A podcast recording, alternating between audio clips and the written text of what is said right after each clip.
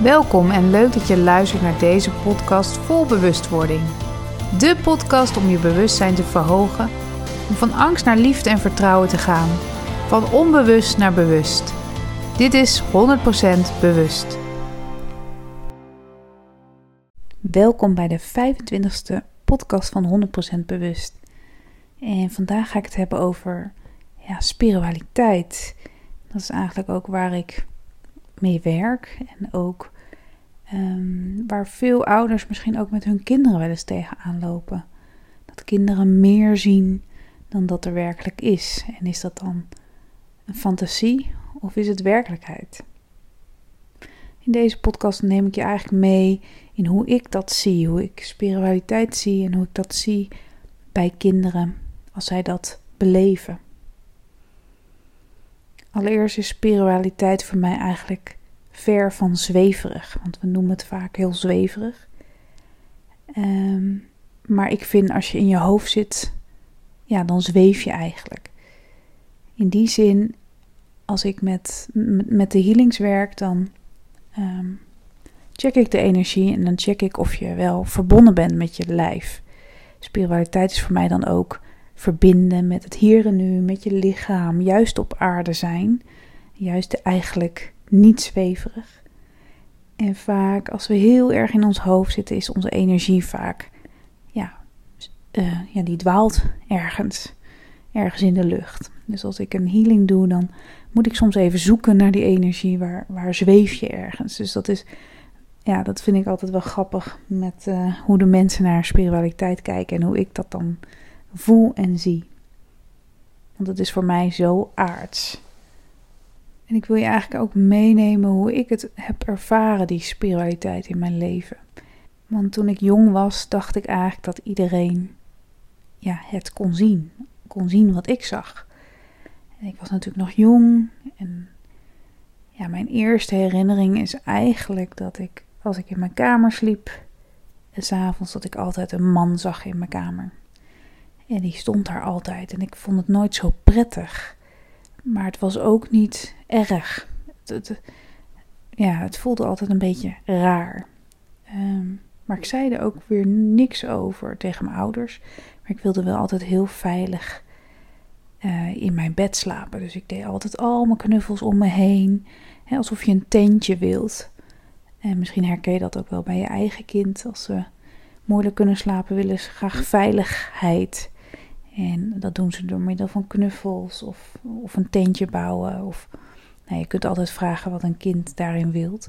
Maar dat had ik dus ook, dat ik allemaal knuffels om me heen wilde.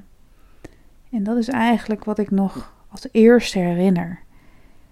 En wat ik ook nog weet is dat ik uh, toen een keer in Italië waren met mijn ouders. Nou, ik denk dat ik negen was, misschien elf. Ik, weet niet meer precies de leeftijd. En dat ik gewoon de weg wist. Ik, we zochten een kerk en ik wist de weg en ik dacht echt, ik ben hier geweest. Ja, dat soort dingen zijn, ja, die blijven mij ook bij. Dat is heel gek. Ik weet dat nog gewoon, dat ik dacht, oh, dit ken ik. Ik weet zo waar de kerk is. En dat je dan eh, je ouders leidt naar die kerk. En dat mijn ouders inderdaad dat super interessant vonden. Mijn vader, die uh, heeft dit ook wat ik heb, zeg maar. Ja, hoe noem je dat? Die is ook gewoon ver ontwikkeld in spiritualiteit, om het maar zo te noemen. En dit is misschien iets wat je herkent bij jou, bij jezelf, bij je kind. En wat ik ook altijd heel erg uh, voelde was als ik dan bij iemand op schoot zat of ik was bij iemand dat ik kon voelen hoe ze zich voelde. Dan zei ik, oh je bent, bent, verdrietig. Ik wist waar ik mijn hand moest leggen. Ik ging al gelijk mijn hand eigenlijk een soort reiki doen. Nou, volgens mijn ouders deed ik dat al toen ik twee was, dus kan je nagaan. Echt bijzonder eigenlijk hoe dat intuïtief zo in je zit. En ja, blijkbaar ehm, had ik dat al gewoon van jongs af aan. Heb ik er gewoon mee geboren en is dat een beetje mijn talent uh, die ik mag ontwikkelen. Zo zie ik het nu. Maar toen ik eenmaal elf was en nou ja, wel wat meer zag om me heen, um, kwam ik erachter dat ik de enige in de kamer was die dat zag. En dat was een moment dat ik uh, dat heel ehm, moeilijk vond. In die zin, ik vond het moeilijk dat ik dacht. Oh, ik dacht dat jullie allemaal dat konden zien. Weet je, je weet niet dat het raar is. Of je weet niet dat het niet klopt. Want het is er gewoon. Je groeit ermee op. Ehm, en dat vond ik heel moeilijk. Ik was toen ook in de war. Ik weet nog dat ik het ook niet meer wilde. Toen is het ook een tijdje minder geweest. Alsof je toch een soort van controle erop kan hebben. Dat wist ik toen nog niet, maar er is toen een tijdje dat het op een andere manier verder ging. Namelijk, in mijn, zeker in mijn puberteit, dat ik wel dingen aanvoelde, hoe iemand zich voelde, maar ik zag niet meer, ik noem het even geesten of mensen die zijn overleden, ik, die zag ik niet meer. Daar focus me ook niet op, daar was ik niet meer mee bezig. Of nou ja, ik was er nooit echt mee bezig, maar ik had toch een soort poort dicht gedaan. En dat vond ik heel fijn. En ik dacht er ook helemaal niet meer aan. Totdat er heel veel dierbaren, of heel veel, ja, er waren, het is een periode geweest dat er best uh, een aantal mensen om me heen jong stierven. Wat heel verdrietig was. Ik was rond de 20 jaar. Heb ik drie mensen verloren die me heel dierbaar waren. En toen ging het weer allemaal rollen en openen. Echt negen jaar later eigenlijk pas. Want ik zag ze naast mijn bed. Ik zag ze waar ik werkte. Ik kon met ze praten. Um, ja, het was opeens zo duidelijk en zo zichtbaar dat ik er wel iets mee moest doen. En dat heb ik toen ook gedaan, want ik heb uiteindelijk ook de familie gesproken van de mensen uh, waarvan de persoon was overleden. En die hadden daar heel veel aan. En toen werd het ook minder dat ik ze zag. Dus blijkbaar hadden ze een boodschap, zeg maar. En dat vond ik in het begin ook wel moeilijk. Ik heb ook uh, een soort van spelletjes gespeeld in die zin. Dat ik dacht, is dit echt waar? En dan um, ging ik met een, een vriendinnetje die dan was overleden. Echt zo van, nou weet je, als dit echt is, dan wil ik dat je morgen um, op mijn werk die en die persoon verschijnt om zo en zo laat. Dat soort spelletjes tussen haakjes ging ik spelen, omdat ik, ik ben best wel nuchter van mezelf. En ik wil een soort van bewijs ook. En de volgende dag kwam ik daar en het was zo. En toen dacht ik, ja, dat is toeval dat er nu precies die persoon uh, om die tijd daar zit. Dat, ik ga het nog een keer doen. Dit kan niet een tweede keer uh, goed gaan. En toen weer een, die persoon, dan en dan, dan zit hij daar. En weer was het gelukt. Dus ja, dat was zo'n um, shock, maar ook iets fijns van oké, ik ben niet, misschien ben ik toch niet gek, want dat is wat ik dacht. Op dat moment denk je echt, je bent gek, zit dat in mijn hoofd, zit het, eh, is het wel waar, is het tastbaar? Ik ben zo nuchter van mezelf en ik ja, geloof niet zo snel mensen die uh, dit kunnen. Meer kunnen zien, meer kunnen voelen. Daar geloof ik wel in. Maar het moet wel heel zuiver zijn. En ik wil het zelf ook voelen en zien. Dus um, ik ben best wel kritisch, zeg maar. Maar eenmaal dat ik dat uh, steeds beter kon en uh, steeds beter met um, degene die mij dierbaar waren, uh, ja, kon voelen en ervaren hoe dat werkte, kreeg ik er eigenlijk steeds meer controle op. Ik kon ermee praten, ik kon het ook weer wegstoppen. Maar op een gegeven moment, ik denk toch dat je een soort poort opengooit. Um, je hebt ook aura kleuren om je heen.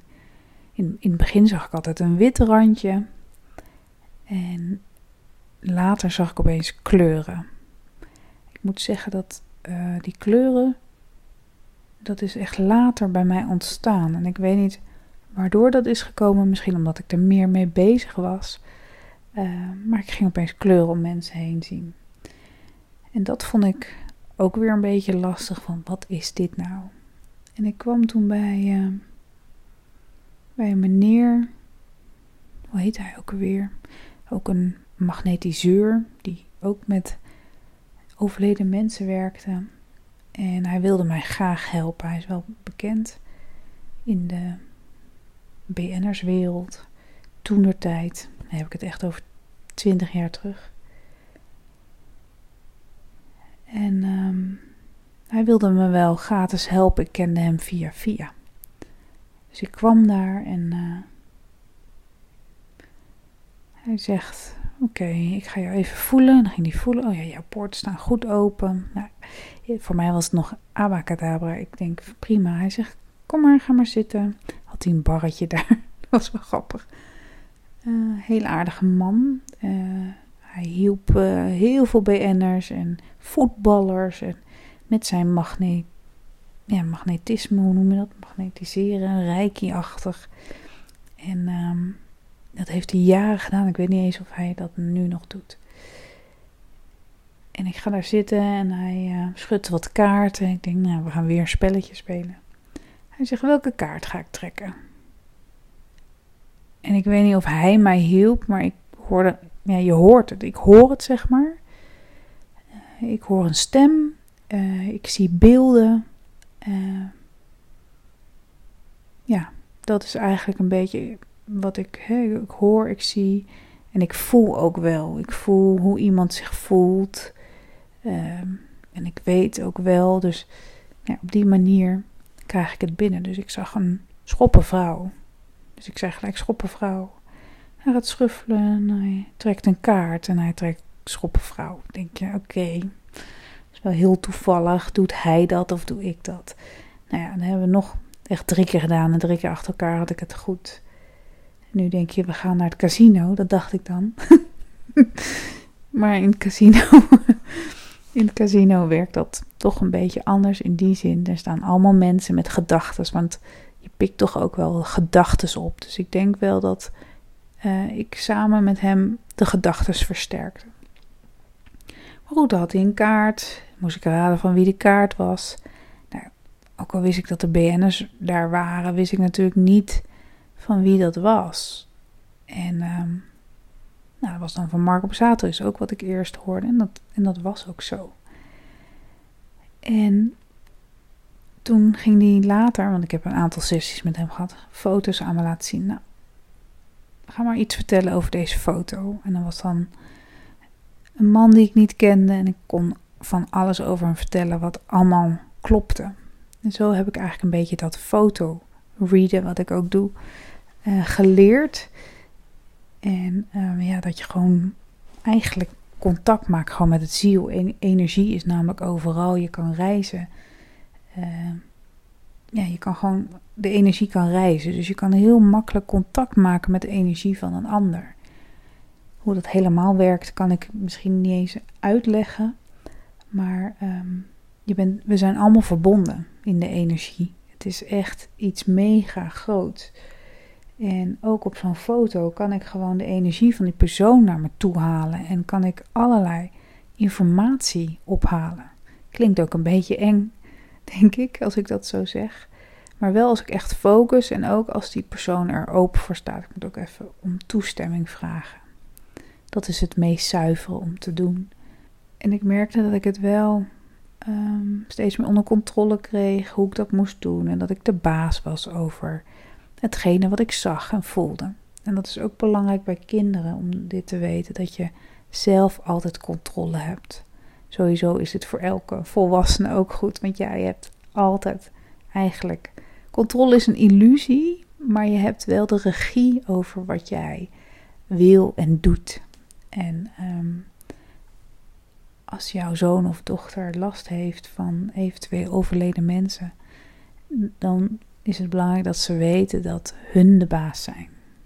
Niet, niet de overledene, maar hè, jouw zoon of dochter is de baas. Als ze niet willen, dan kunnen ze gewoon zeggen: Ik wil dit niet, ga nu weg. Um, en dat is wel vaak heel fijn om te weten dat je zelf dus het naar je toe trekt. Zelf doe je die poort open en zelf ben je nieuwsgierig en dan komt het ook op je af. Dus je trekt het naar je toe. Dat is heel belangrijk om te weten. En natuurlijk doet een, doe je dat soms ook onbewust. Maar dan zit er wel nieuwsgierigheid achter. En sommigen denken, nou, ik wil het graag en het lukt me niet. Uh, dat heb je dan ook, hè, dat je graag met een overleden wil voelen of zien. Uh, en dan wil je het zo graag dat eigenlijk je hoofd heel erg in de weg zit. Want het willen komt echt vanuit het hoofd. En het voelen is een, toch, toch een andere manier. Het gaat over ja, vier, vijfdimensionaal uh, voelen en zien.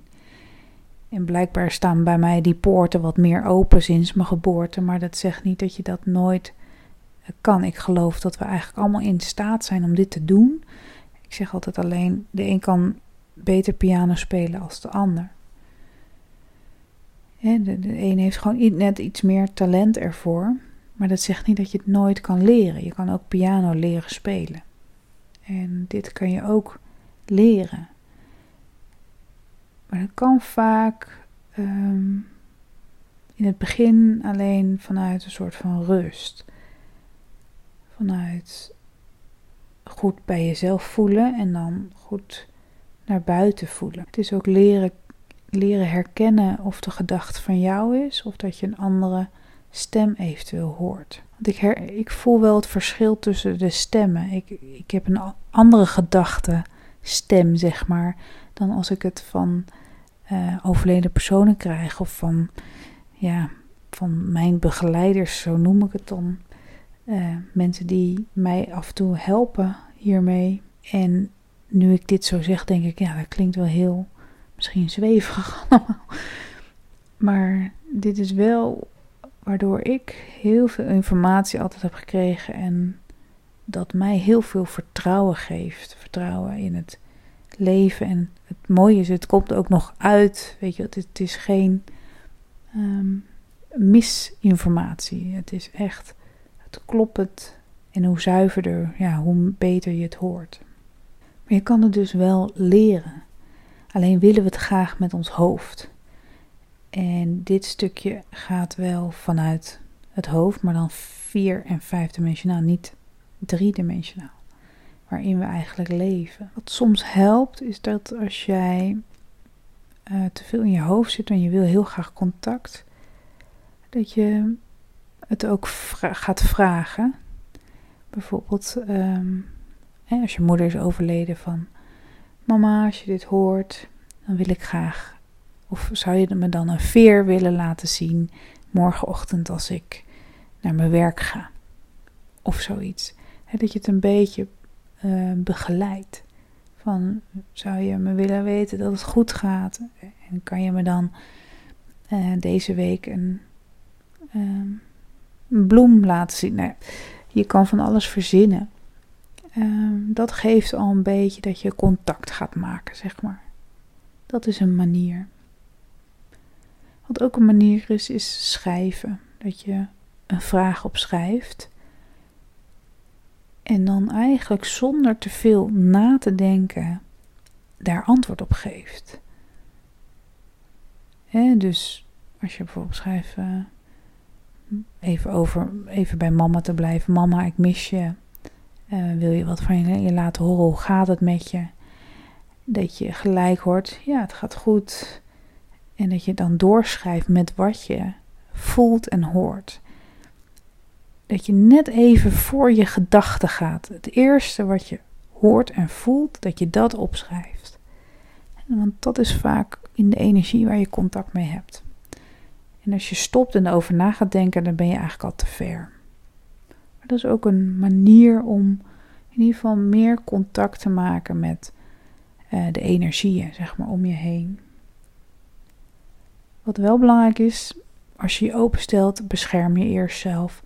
En dan kan je benoemen dat je uh, graag bescherming om je heen wilt en dat je het zuiver wilt en dat je contact wil maken, maar wel uh, in alle bescherming. En dat is eigenlijk wel heel belangrijk om te doen, want anders sta je open voor van alles en nog wat. En dan kan het wel eens niet zo zuiver zijn. En weet ook dat de toekomstvoorspellers, als dat bestaat, ik kan ook wel een bepaalde stuk zien in de toekomst, maar je hebt altijd een keuze. Dus de toekomst is iets wat, wat eigenlijk nog open ligt, maar ehm, wat de meeste mensen zien, en wat ik ook vaak zie, is als je, de, als je een bepaalde keuze maakt, kan dat het worden. Zeg niet dat dat het ook werkelijk wordt, maar het kan wel. Dus het geeft vaak hoop. En die hoop is nodig soms om juist die stappen te zetten. Maar weet dat je altijd zelf een vrije keuze hebt. Dus de toekomst staat eigenlijk nog niet vast. Tenminste, zo ervaar ik het eigenlijk met alles. De toekomst staat niet helemaal vast. Ik heb wel het idee dat soms dingen met toeval gebeuren. Om je toch een bepaalde kant of een bepaalde richting. En het is ook waar je gedachten en waar je focus op ligt. Dat je dan toevallig iemand tegenkomt bijvoorbeeld. Maar dat is alles, alles bestaat uit energie. Je gedachten. Dus hoe jij met je energie omgaat, dat trek je ook naar je toe. En dat is heel belangrijk om te weten. Dus wat je erin stopt, komt er ook weer uit. Dus als jij heel positief denkt over de toekomst en ook een bepaalde focus hebt en dat erop houdt, dan zul je er ook komen. En als jij uh, die focus niet gelooft of die toekomst niet gelooft, dan zal je zien dat je een andere weg inslaat. Dus ja, je kan zelf um, ja, je toekomst gewoon bepalen door de energie die je aantrekt. Ja, het is eigenlijk fascinerend hoe energie werkt. En we bestaan gewoon uit een heel groot deel uit energie. Niet alleen uit lichaam, spier, huid, water, maar ook uit energie. En dat vergeten we soms wel eens, want we vinden het allemaal maar eng en eh, veel geloven er niet in. Maar ja, het is wel in wie we zijn. Dat is ook een deel van ons, die energie. En het is meetbaar tegenwoordig kunnen ze ook wel meten dat er, dat er energie in het lijf uh, is. Bepaalde energiebanen die daar stromen, die kunnen ze meten. Dus het is echt wel meetbaar. Mocht jouw kind hier ook nou echt mee zitten, dan is het goed dat veiligheid en bescherming um, het belangrijkste is. Dus ligt aan hoe oud je kind is, maar leer het dat het mag beschermen, hè, dat het mag opnoemen. Ik wil dat, je, hè, ik, wil dat ik beschermd word. Um, ik wil dit niet. Hè, het mag weg. Dat ze het kunnen benoemen. Wat heel vaak helpt zijn bijvoorbeeld edelstenen uh, voor kinderen om onder het kussen te leggen. Vaak weet het kind zelf wel welke edelsteen dat dan is. Als je naar een winkel gaat of weet de persoon die uh, edelstenen verkoopt ook wel een beetje wat handig is. Uh, maar dat helpt soms enorm om uh, de energie bij zich te houden. En die steen ja, beschermt. Het is ook weer een trilling, een bepaalde trilling die die steen bij zich heeft. De natuur is wat dat betreft prachtig. Maar mocht het kind nou toch heel veel klachten hebben, dan kan je altijd je huis of kamertje laten schoonmaken. Door mensen die dat doen. En die mensen zorgen er dan voor dat degene of de persoon die daar dan is um, wordt weggehaald, om het maar zo te noemen. Dat kan altijd. neem je kind wel serieus in dit stuk, ook al denk je soms dat het misschien niet waar is. Uh, kap het niet gelijk af. Want als het waar is, is het wel fijn dat het kind weet dat het veilig kan zijn. Um, dat, het, dat er kan zijn en dat dat niet raar is dat het ook niet eng hoeft te zijn en dat ze zelf de regie hebben over, over wat ze zien. En zorg dat ze dan bescherming en veiligheid kunnen creëren.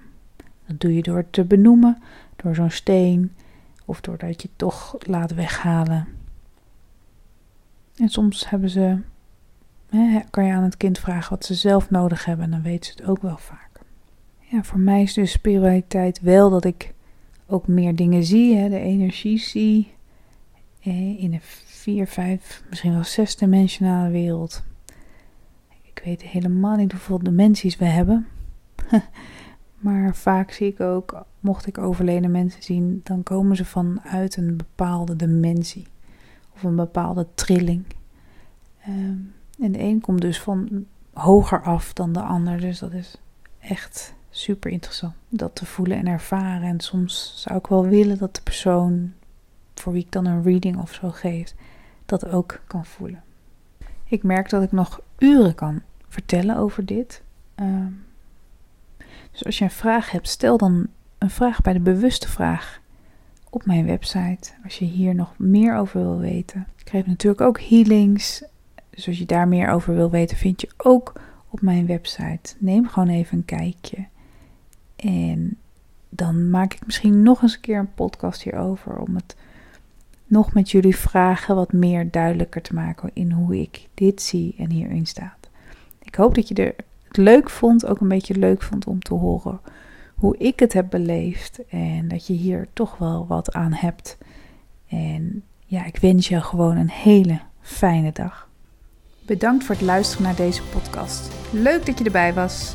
Wil je nog meer weten over persoonlijke groei? Kijk dan even op mijn website mirandabeuk.nl. Vond je deze podcast inspirerend? Geef dan een leuke review en abonneer of volg deze podcast zodat je niks kunt missen om van angst naar liefde en vertrouwen te gaan. Heb jij nu zelf een situatie waar je in vastloopt? Stel je vraag dan via mijn website bij De Bewuste Vraag. En ik zal deze zo snel mogelijk voor jou gratis beantwoorden. Bedankt voor het luisteren.